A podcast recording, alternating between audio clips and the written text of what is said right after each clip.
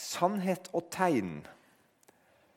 For å begynne en, eh, en gripende historie som jeg har fortalt på mange, mange ganger. Jeg, nå skal jeg ikke gjøre den gripende, jeg skal bare ta ut poenget igjen. Eh, jeg tror jeg fortalte den en gang på Logos for en stund siden. Den går som sånn at jeg, var, jeg, er født og oppvokst i en kristen familie i ei kristelig bygd. På alle kristelige måter. Um, på kristne Sørlandet. Og Jeg skulle da begynne på en folkehøyskole som, som 16-åring. og Da var det ca. 70 elever, internatskoleelever. Det var på Kongshaug folkehøgskole før det ble gymnas. Dette er tilbake i 80-tallet, faktisk. 89. Og var den, Det var bare to fra Agder. Det var meg og en til. Jeg kjente han ikke. Så du kan si Det var 69 potensielle venner og 69 potensielle folk som jeg ikke ble venner med. Så jeg hadde veldig lyst på en måte til å bli venner med andre. Det hadde jo de fleste som var der da. Sant? Så De første dagene er litt sånn stress. Du går med som å sjekke litt hverandre. og hvordan hva bør jeg si, hva bør jeg ikke si? og hvordan, ja, Lyst til å komme godt ut. da. Skal være her et år, liksom. Og For å gjøre lang historie kort så spør da en som ble romkameraten min, han spør på skolegården mens 20-30 stykker hører på, så spør han meg bare sånn ut av ingenting. Var, vi snakket ikke om det engang. Så spør han meg er du kristen.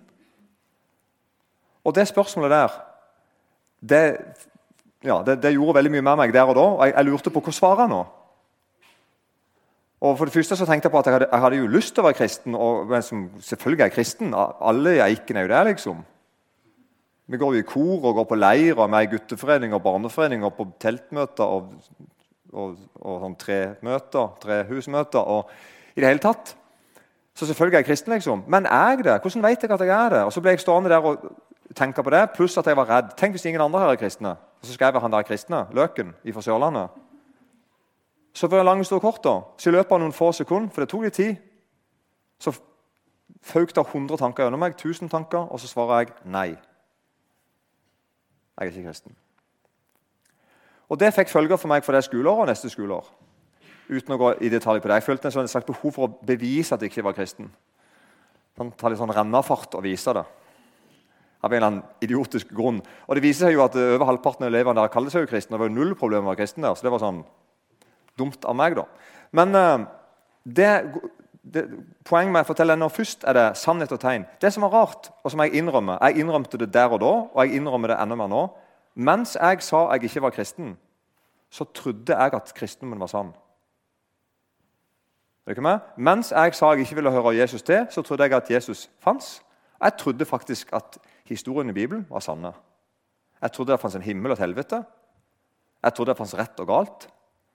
Jeg trodde på Bibelen. Går det an å ikke tro på noe du tror på? Og det gjør det. Og Det skal vi snakke om i kveld. Kjære Jesus, vær her fortsatt med Din Hellige Ånd. Og om mulig, gjør det under at noen i kveld får sett deg, kanskje for første gang eller for, for tusende gang, og får sett noe nytt hos deg, noe viktig hos deg, eller noe hos seg sjøl. Vi ber rett og slett Jesus om et under. Amen. Og saken er den at noen steder dette er et bilde for et par år siden. Jeg, har vært en del i Romania. Dette er bare et bilde fra når vi delte ut noen andaktsbøker. Vi delte ut en del bibler og kristen litteratur, og her deler vi ut andaktsbok. Ett er nødvendig, faktisk, heter hun. På rumensk, for dette er Romania. Det er det praktiske på rumensk. Og um, her ser dere at det, det, var, altså, det, var, kø for å få boka. De fikk henne gratis. da, Det var kø for å få henne, og de greip henne sånn som Jeg ser for meg at folk hadde tatt imot en 10 000 kroner eller 100 000 kroner. liksom. Den skal jeg ha. Utrolig godt å oppleve. Det er faktisk mange plass noen som vil høre, og noen som, noen som sier at 'jeg vil gjerne høre om Jesus'. 'Jeg vil gjerne lære noe om Gud'. 'Jeg vil gjerne høre mer om dette her'. De fins overalt, også i Romania. Og så fins det en god del folk som eh, ikke vil høre. Og Her er en, eh, en, en som jeg samarbeider en del med, heter Mihai. Den fine bilen hans. Den var sånn Uber-taxi. det dette, Uber-taxi, Så han måtte ha en fin bil for å kjøre taxi. Um, og Han tok meg med, og besøk, vi besøkte en del av hans gamle venner som han hadde gått på skole med når han var, gikk på videregående. Og ehm, mange av de, de fleste av dem var ikke kristne. Og Han diskuterte med for han er blitt kristen for tre-fire år siden. Ja, han ville følge Jesus. Og Så begynner han å diskutere med dem, så begynner han å krangle med dem, så ringer han ofte til Norge og sier at nå er det en, en idiot her som ikke vil tro. liksom. Sånn, helt sånn. En gang så satt jeg på do da, uh, i eh, faktisk Ølensvåg. Uh, og satt på do der, og Grunnen til at jeg satt på do, er at jeg kom til nå, så ringte det telefonen, så tok jeg den. Så var det FaceTime. så, det skulle jeg jo ikke ha gjort. da.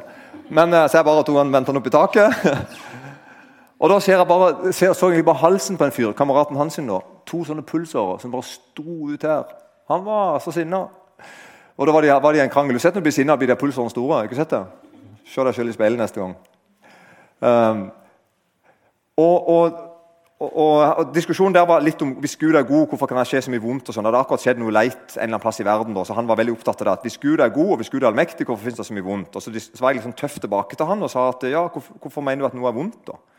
Og Så fikk vi en diskusjon. Og Så endte det med at han sa kameraten hans at uh, hvis du kommer til Romania igjen, så vil jeg gjerne møte deg. Og Han bodde i en annen by. Neste så var det bare et par uker etterpå så var jeg i Romania. Så tok vi den fine bilen hans sin, og så kjørte vi til den byen. Møttes på en, uh, noen møtte vi på en kafé eller en restaurant ute i byen. Noen andre møtte vi i en hage en gang og drakk noe saft de hadde laga. Uh, eh, og, og da, da, diskuterte vi videre. Noen delte vitnesbyrd og, og, en del sånn diskusjon. Noe sånn, mer sånn oppbyggelig vitnesbyrd og noe diskusjon. Og Det endte med at han ene, da, en lastebilsjåfør, kamerat av han, Mihai, han ble, kom på glid. Han var enig i en god del ting. Han så logikken i det. Han fikk svar på det, han fikk svar på det. han fikk svar på det. kom mange sånne sannheter fram og sa ja, det er, en del logisk her. Absolutt. Og så endte det egentlig med at han sa at hvis jeg hadde opplevd et under eller et mirakel, så skulle jeg ha trodd. Og Av en eller annen merkelig grunn da, så, så tok jeg han i neven på det. Og så greit, da ber vi om det. Jeg vet ikke om det er noe, jeg vil ikke plent anbefale dere å gjøre det. Ja, jo, for, kanskje. Men i alle fall, jeg gjorde det der. tenkte Jeg gjør det. Jeg tar han i neven på det. Da ber vi om et under. Og nå husker jeg ikke hvor lang tid det gikk, men det gikk ikke lang tid. To uker eller noe sånt. Så får jeg telefonen min Hai.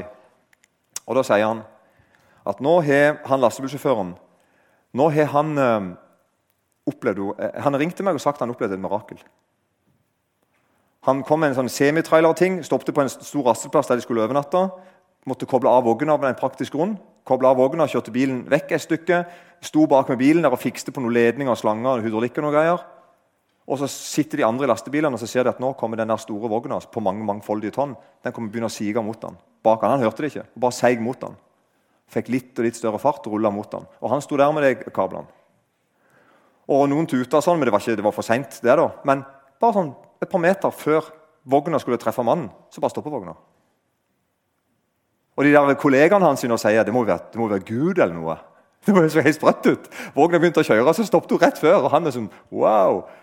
Og så ringer han da til Mihai og så forteller han at jeg opplevde et under. Jeg var helt til 100, jeg òg. Ja, Sa han noe mer sånn om Jesus? sånn? Nei, det kom de faktisk ikke inn på. Det var bare at han opplevde under. da, egentlig. Ok. Så gikk det et par uker, kanskje. Så var, var han lastebilsjåføren da, var han hjemme på huset sitt. Og da mener jeg på huset sitt, oppe på taket. Og renste takrenna si for å være full av løv eller et eller annet. To etasjer opp. Og så detter han ned. Ned på bakken. Vet ikke hvor langt det er. Fire meter, eller ikke hvor langt den er. Langt nok. Og mora eller kona eller hvem det var ikke måtte kjøre han til, til sykehuset eller legen i, i, i, byen der. Og for Han, var jo litt, han hadde jo slått seg, da. Men så sier legen at du har ikke brekt noen ting. Du har ikke skada deg noen plass. Og så sier de da noe sånn som 'det må ha skjedd et under', eller 'det er englevakt'. eller sånn, sånn som du bare sier. Og så tenkte han 'oi, det er faktisk sant'. Så han kompisen ringte til Mihai igjen og sa at jeg opplevde et mirakel til. Jeg ramla ned fra taket mitt på huset mitt, ned i asfalten eller brusteinene. Og, og kunne bare gått hjem igjen. Og så kommer liksom da poenget mitt. da. Er han kristen i dag? Nei.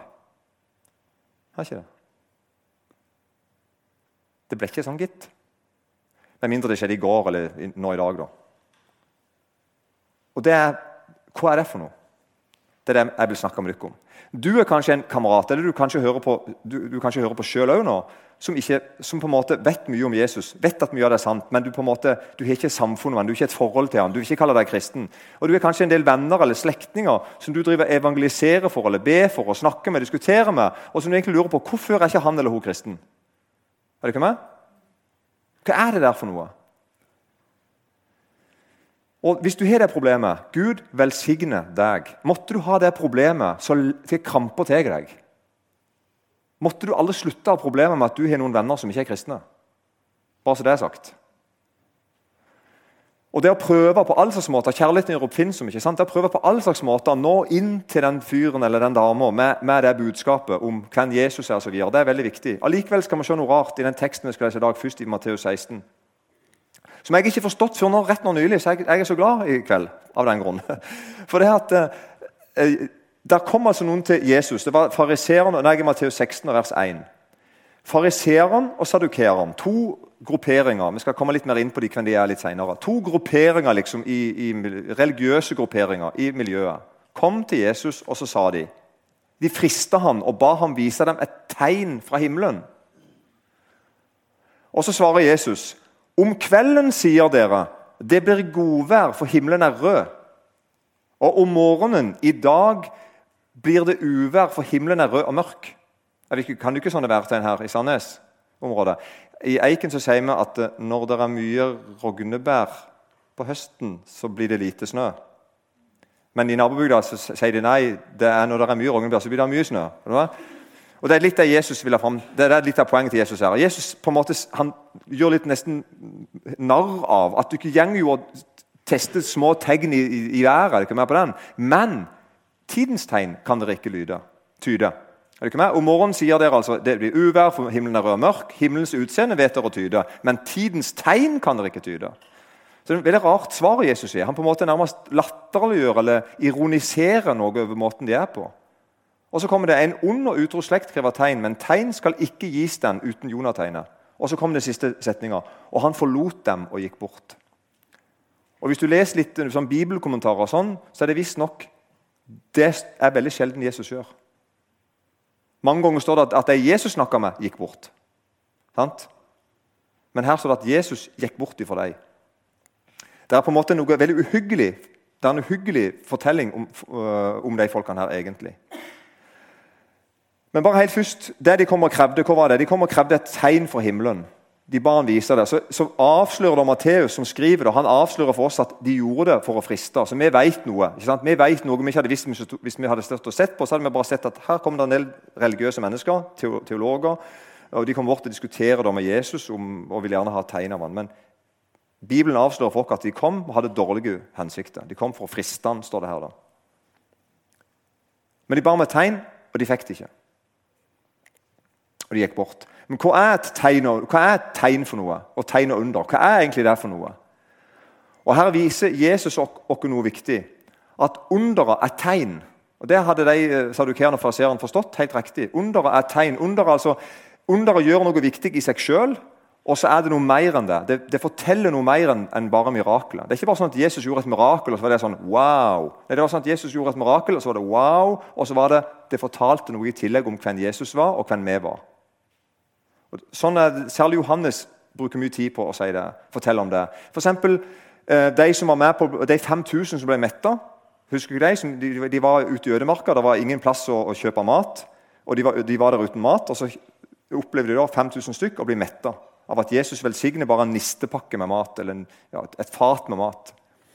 Og Da sier Jesus dagen etterpå når han treffer dem, så sier han Sannelig, sannelig, sier dere, Johannes 6, 26, dere søker meg ikke fordi dere så et tegn, men fordi dere spiste av brødene og ble mette. Så Jesus sier her nå at jeg vil ikke bare, vil ikke bare gjøre et under for dere og gi dere mat og gjøre dere mette. Jeg vil gjøre mer enn det, og det fikk ikke de folkene med seg. Og så, begynner, så Jesus, Vi ser at Jesus er omsorg for alle. Han gir dem mat. Og så forteller han noe mer. da. Nå er jeg i Johannes 6, 35. Jesus sa til dem, 'Jeg er livets brød'. 'Den som kommer til meg, skal ikke hungre'. Og Det var det Jesus hadde forkynt, altså sånn dramatisert skulle jeg si, dagen før. Altså Han satte dem i en situasjon der de, var, der, de, der de, var, sultne. Alle kjente det. 'Jeg er sulten'. Hvis ikke jeg får noe utenfor nå å putte inni meg, så, så går det galt. Jeg må ha mat. Og Jesus setter dem i en sånn situasjon, bevisst. Ute i ødemarket 5000 stykker like godt. Ganske mange vitner. 4999 andre på en måte opplevde det samme som deg. Pluss kvinner og, kvinner og barn eller noe sånt, kanskje i tillegg. for alt jeg vet. Mange tusen. Og Så setter Jesus, deg, setter Jesus de folkene i en sånn situasjon, og så viser han dem at jeg kan gjøre under. Han metter dem, og så vil han fortelle dem det. Jeg er livets brød. Jeg òg kan mette dere. Jeg kan mette sjela deres. Jeg kan gi dere evig liv. Dagen etterpå så møter han altså en gjeng som Nei, de så ikke det. De så bare 'Wow, du gjorde et under'. Vi åt og ble mette. Og så sier Jesus det var, ja, men det var ikke det jeg ville. Jeg ville mer enn det. Jeg ville fortelle hvem jeg, hvem jeg er. Og Så begynner Jesus like godt å dra en parallell til noe som er på en måte identiteten til hele israelittene. Det som er på en måte fortellingen til jødefolkene. De ble redda utover Egypt og gikk 40 år i ørkenen. Og seks dager i uka i 40 år så våkna alle israelittene opp, kikket ut av teltet sitt, og der lå det et hvitt dekke over hele bakken. og De kunne gå ut og plukke det og ete det. Og Det heter manna. Og det betyr 'hva er det?' spørsmålstegn. For det var helt noe de aldri hadde sett før. Men det var et slags brød, og de åt det. Jesus sier, 'Jeg er det levende brødet som er kommet ned fra himmelen'. Er det ikke meg? Ser du ikke sånn hva Jesus gjør? Alt det der du ikke leser om, det var et mirakel. Det, er ikke sånn at det, at det, var, et, det var ikke sånn at det var sånn en, en, legende at, hadde, at, det var mann i ørkenen. Nei, nei, nei, det var mann i ørkenen. I 40 år så åt de manner. Sju dager i uka 80, seks dager i uka plukka de. Sabbaten var, det skulle de ikke plukke. Plukte de, øh, plukte de også, det, det, det, var ikke, det var ikke manna på sabbaten. Så Jesus sier da at 'jeg er det levende brødet som har kommet ned fra himmelen'. 'Om noen eter av dette brødet, skal han leve i evighet'.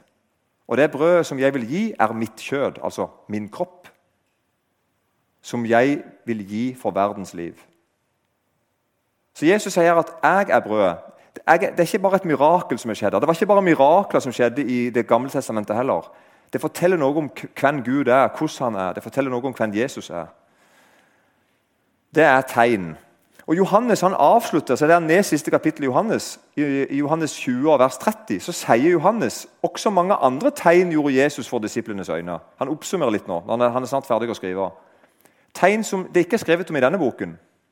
Men disse, altså de tegnene han har skrevet om i Johannes, er skrevet for at dere skal tro at Jesus er Messias, Guds sønn, og for at dere ved troen skal ha liv i hans navn. Johannes sier at 'jeg har skrevet det jeg har skrevet', og 'fortalt det jeg har fortalt', for at du som leser dette her, skal se at Jesus er Messias, Guds sønn. Det er tegnene som blir fortalt.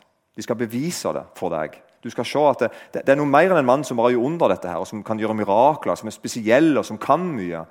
Han, kan, han, er faktisk Messias. Den som Det gamle testamentet profeterer om og profeterer om og profeterer om og venter på og venter på og venter på i hundrevis av år. Og så kommer han. Og det er faktisk sånn at Jesus, han, Når han gikk på jord, og også i dag, så er, det, så er det ikke sånn at Jesus på en måte tryllekunstner for oss, og så blir du tvungen til å tro. nærmest, er du med? At Jesus kommer liksom og gjør et triks foran deg, og så kjenner du at oi, jeg, jeg, må, jeg, må, jeg må, bare skru av hele IQ-en min og hele følelseslivet mitt. og bare alt, og så må jeg bare tro på her var det helt fantastisk. Nei, Jesus, Jesus har en slags respekt for oss. sånn. Han, han, han, manipulerer ikke. Jesus er ikke manipulerende. Han driver ikke med triks for deg. Er du ikke med på den?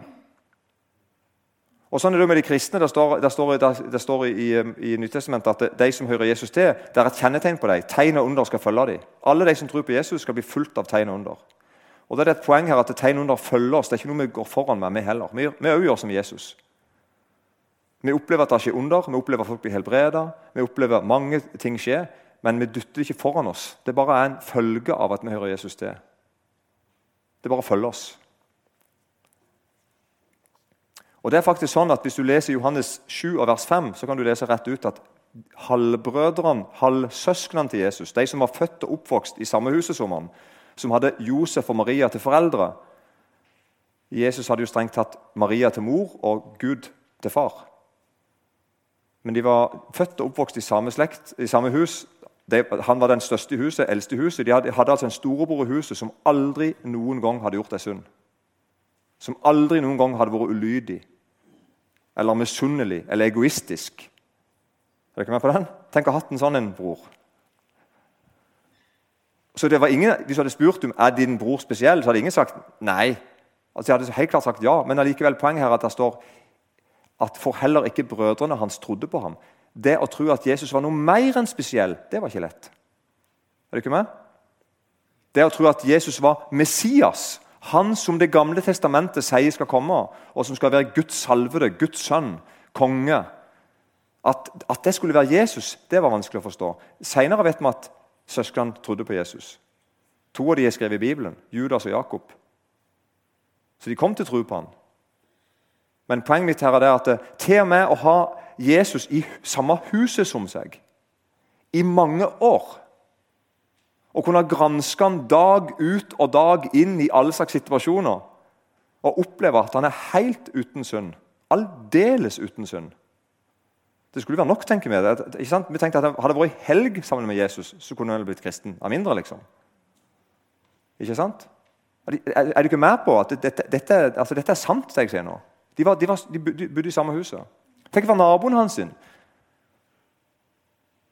Tenk å være vennekretsen hans. sin. Der går Jesus. Men det, å tro at han er Messias, det er noe helt annet. Det å tro at han er Guds sønn, det, det, det er en helt annen ting. Så vi leser, vi leser det en gang til. At fariseeren og sadukeren kom til han og frista han og ba han vise dem et tegn fra himmelen. Men han svarte og sa til dem, om kvelden sier dere, det blir godvær for himmelen er rød. Om morgenen i dag blir det uvær for himmelen er rød og mørk. Himmelens utseende vet dere å tyde, men tidens tegn kan dere ikke tyde. En ond og utro slekt krever tegn, men tegn skal ikke gis den uten Jonategnet. Og han forlot dem og gikk bort. Det spesielle i teksten her er én ting særlig. og det er at Fariseerne var veldig opptatt av Messias med stor M. Det var faktisk det var på, på en måte det som gjorde at fariseerne var fariseere. De, de, de, hadde funnet ut det at vi skal lage nå, nå bruker jeg bare litt sånn teite begrep. Vi, altså, vi, lager en klubb, vi lager en forening, og så skal vi gjøre en spesiell ting. Vi kaller oss for eh, de utskilte. som gjør det. Vi kaller oss for de utskilte. Det, det er det ordet fariseer betyr. De utskilte. De adskilte. Vi er ikke helt som de andre. Og hvorfor ikke det? Nei, Vi venter på at Messias skal komme. Det er det vi holder på med. Og Så leser vi da Det gamle testamentet, og så lærer vi det helt 100% utenat. Så enhver profeti i Det gamle testamentet om at Messias en dag skal komme, den kan vi utenat. Den? Og Vi kan studere Skriften og sammenligne den ene profeten etter den andre. og gå og sjekke tiden. Kommer snart Messias? Kommer snart Messias? Kommer snart Messias? Kommer snart Messias? Det er det vi holder på med. Det er det vi holder på med. Og så tenker vi da, Hvis vi var det fariseere, så hadde vi tenkt at vi skal gjøre det vi kan for å leve dedikerte liv. Vi skal gi oss helt hen til dette her, og vi skal spesielt vente på at Messias skal komme. Det er det vi holder på med. Og så kan vi hele materiellet, hele tekstene, alt det som gir oss grunn til å vente på Messias, Det gamle testamentet, skriftene og profetene, det kan vi utenat. Hele gjengen og så sitter vi og snakker med hverandre. Er ikke med? Og så hadde vi en tanke til, selvfølgelig, at når Messias kommer, så kommer han til å si så bra at du ikke starta en klubb for meg så hadde selvfølgelig Jesus blitt med i klubben vår. Altså Klubben var jo til, hans, det var til hans ære. ikke sant? Og så tenkte vi videre at antageligvis så kommer Jesus til å ha et kontor eller et hus eller et, og et, et, etter hvert et slott i Jerusalem, i hovedstaden. Han skulle bli konge. Og da kan vi òg kanskje få et kontor der, da. Eller på sida, eller noe. Eller en liten firmabil eller noe. Du er med på tanken? Det er tanken vår. Og og vi gir livet vårt til dette.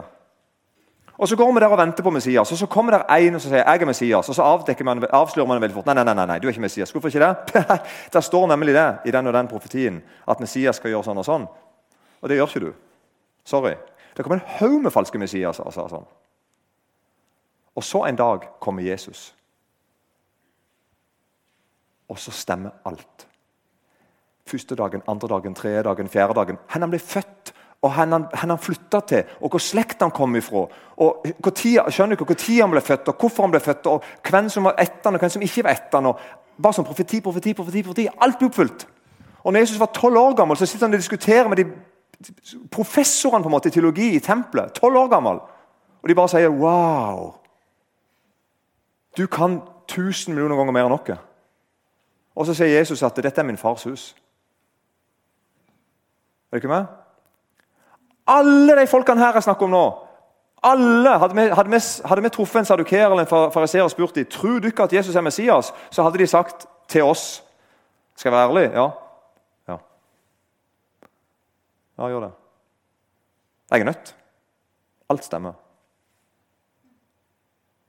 Og så har vi spurt videre. Ja, da er du veldig glad. Så hadde de fleste av dem, ikke alle, men de fleste hadde sagt nei. Jeg hater han. Faktisk I går var jeg sammen med noen andre men planla å drepe ham. Jeg hater Jesus. Ja, hvorfor det? Ja, Hvor skal jeg begynne? Vet du hva han kaller dere? Fariseere og sadukeere? Ormeyngel. Høyt, alle hører det han sagt. Han har sagt at vi er djevelen til far. Han ble ikke med i klubben vår. Han disser faktisk klubben vår. Han er ikke i kontoret i Jerusalem engang. Han er ikke i hytta der engang. Han er nordlending.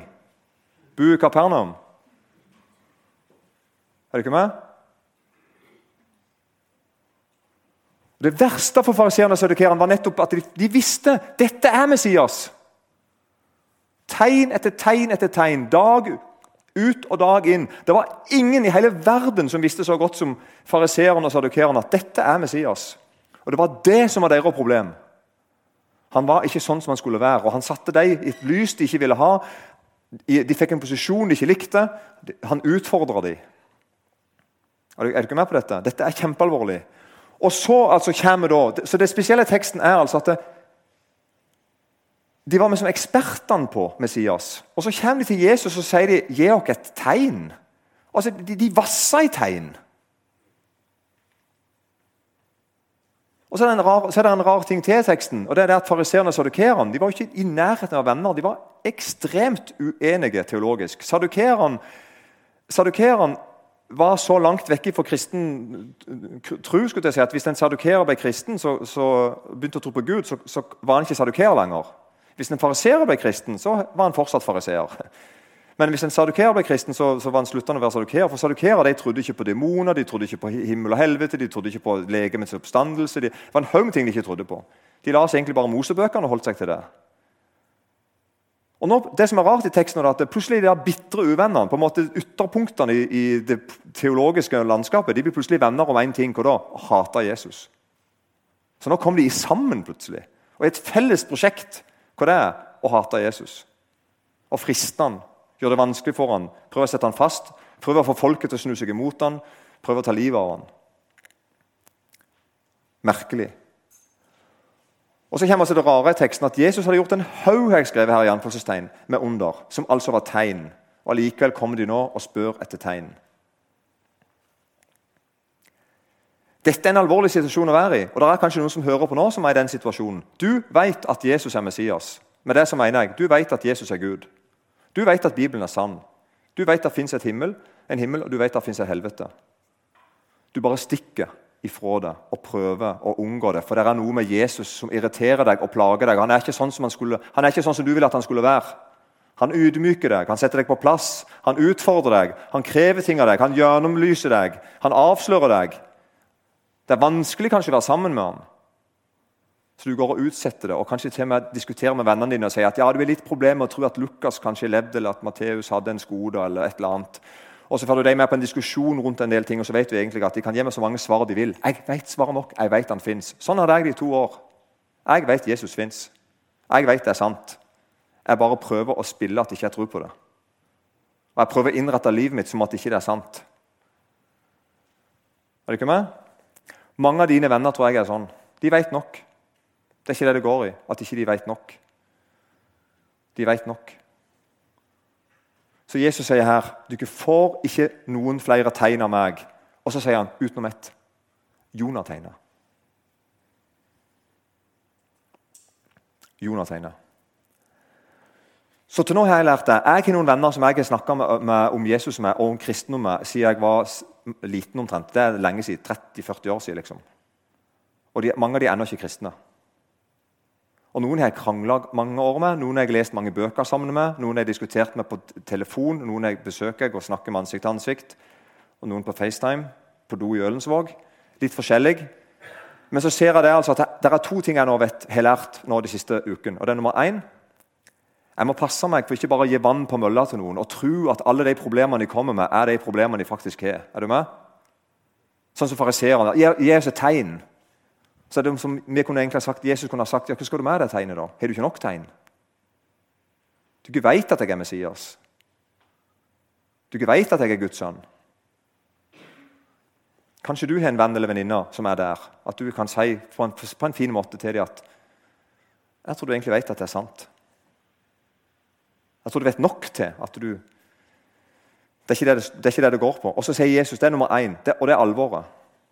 At Jesus, når han slutter denne samtalen, så går han bort ifra dem.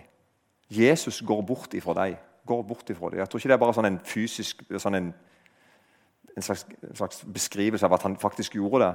Antageligvis betyr det mer enn det bare at han gikk fysisk vekk ifra dem. Det blir et større og større skille mellom Jesus og dem. Men det andre er det Jonategnet som Jesus sier. Det er et Jonategn. I Matteus 12 så sier Jesus litt mer om hva det Jonategnet er. Eh, da sier han sånn at tegn skal ikke gis den uten profeten Jonas' tegn.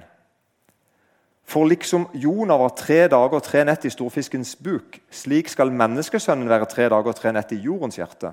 Men fra Ninive skal stå fram i dommen sammen med denne slekt og fordømme den. For de omvendte seg ved det som Jonah forkynte, og se, her er mer enn Jonah. Er det ikke med? Og nå, dette sier jo Jesus til folk som kunne fortellingen om Jonah utenat. Det er Profeten Jonas står, i slutten av Det gamle testamentet. Han er en av de der tolv siste ganske korte profetene. Ikke korte sånn, men i lengde. Skriftmessig. Skriftlengde. Tekstmengde. Um, og, og de visste det. Du kan huske fortellingen om Jonas. sant? Han profeten som Gud sa at skulle gå til en by, Ninive, og der han skulle forkynne at hvis ikke de omvendte seg, så skulle, skulle Gud utslette hele byen, alle menneskene og alle dyrene der. faktisk. Det var ca. åtte mil fra der Jonas bodde, til Ninive. Og Jonas fant ut jeg skal stikke andre veien, åtte mil andre veien. Så han stakk da åtte mil motsatt vei og kom på en båt. Og denne Båten kom ut i et veldig stygt vær. og Om bord i denne båten var det en haug med folk. Var, ingen av dem var kristne, men alle var religiøse og trodde på forskjellige guder. Og når uværet kom, og de forsto at dette er med sånn, her er det noe ekkelt, det er ikke bare et vanlig uvær, så begynte de å spørre hverandre hvem av oss er det som på en måte er skyld i denne forbannelsen vi opplever nå med at det er så stygt vær. Og Så kasta de lodd og forskjellige ting som de holdt på med. Og så falt loddet på Jonah.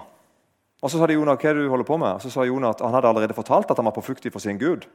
Men så spurte jeg ja, men, ja, men hvorfor en Gud er det? Hvorfor en Gud er du flyktig fra? Det er han som skapte jorda. Han som skapte jorda! Flykter de for han? Det går jo ikke an å flykte for han, sa de da. Og så ender det med at de heiv Jonah over bord. Jonah tilbød seg det sjøl. Bare hiv meg over bord. Så til slutt så ender det med at de heiv han i sjøen. Og Der kom det en fisk, en stor fisk og slukte han. Og Der var han i tre dager. Og Så ble han spytta opp på land, og så gikk han til Ninive. Til den byen der, som Gud i utgangspunktet hadde bedt han om å gjøre. Så gikk han inn i Ninive. som var, Det var, tok tre dager å gå gjennom han. Der gikk han og forkynte da, at dere må omvende dere. Hvis ikke så skal Gud øyelegge byen, folkene her og alle dyrene her. Og så trodde de på han, vet du. Hele gjengen. Så til og med kongen har lyst ut at nå, det, nå skal vi alle her, nå skal vi kle oss i sekk og aske og så skal vi sørge og så skal vi omvendes til Gud. Og så omvendte de seg til Gud, hele byen. Og, og Jonah vet, han ble jo kjempesur. Merkelig, men han ble der med skikkelig sur. Men så var det jeg visste. Det var sånn, et eller annet sånn rart. Og så, og så sette han seg til og furte en plass, og så tok Gud og lagde en, en, en, et, et, tre som han fikk satt i skjul for sola. Så han ble glad i det treet. da. Og Så sendte Gud en slange og så ødela det treet. Og Da ble han veldig lei seg for at treet var vekke. Og Så kom Gud og sa at å ja, så du er glad i et tre?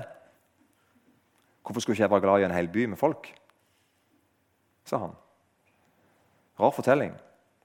Men poenget med fortellingen det med Jonategn er altså at Jesus sier at jeg, jeg, eh, Jonategnet er at jeg skal dø i tre dager. Og så skal jeg stå opp igjen. Det er Jonategnet. Når alt håp ser ut til å være ute, og Jesus dør, da er egentlig bare redningsaksjonen så vidt begynt. Og Tre dager etterpå så går Jonah, tre dager etterpå blir Jonas spytta på land, og så går han til Ninive, og så blir hele byen redda. Og sånn, Det ligner veldig på det Jesus gjorde. At det er verdens tydeligste tegn. Jesus døde for deg. Det er verdens tydeligste tegn. Det overskygger alle andre tegn. Jesus døde for deg. Jesus tok straffen for deg. Jesus ble dømt av Gud for deg. Jesus ble skyldig for deg. Jesus døde for deg. Han sto opp igjen for deg. Det er ingen vei utenom. Jonategnet.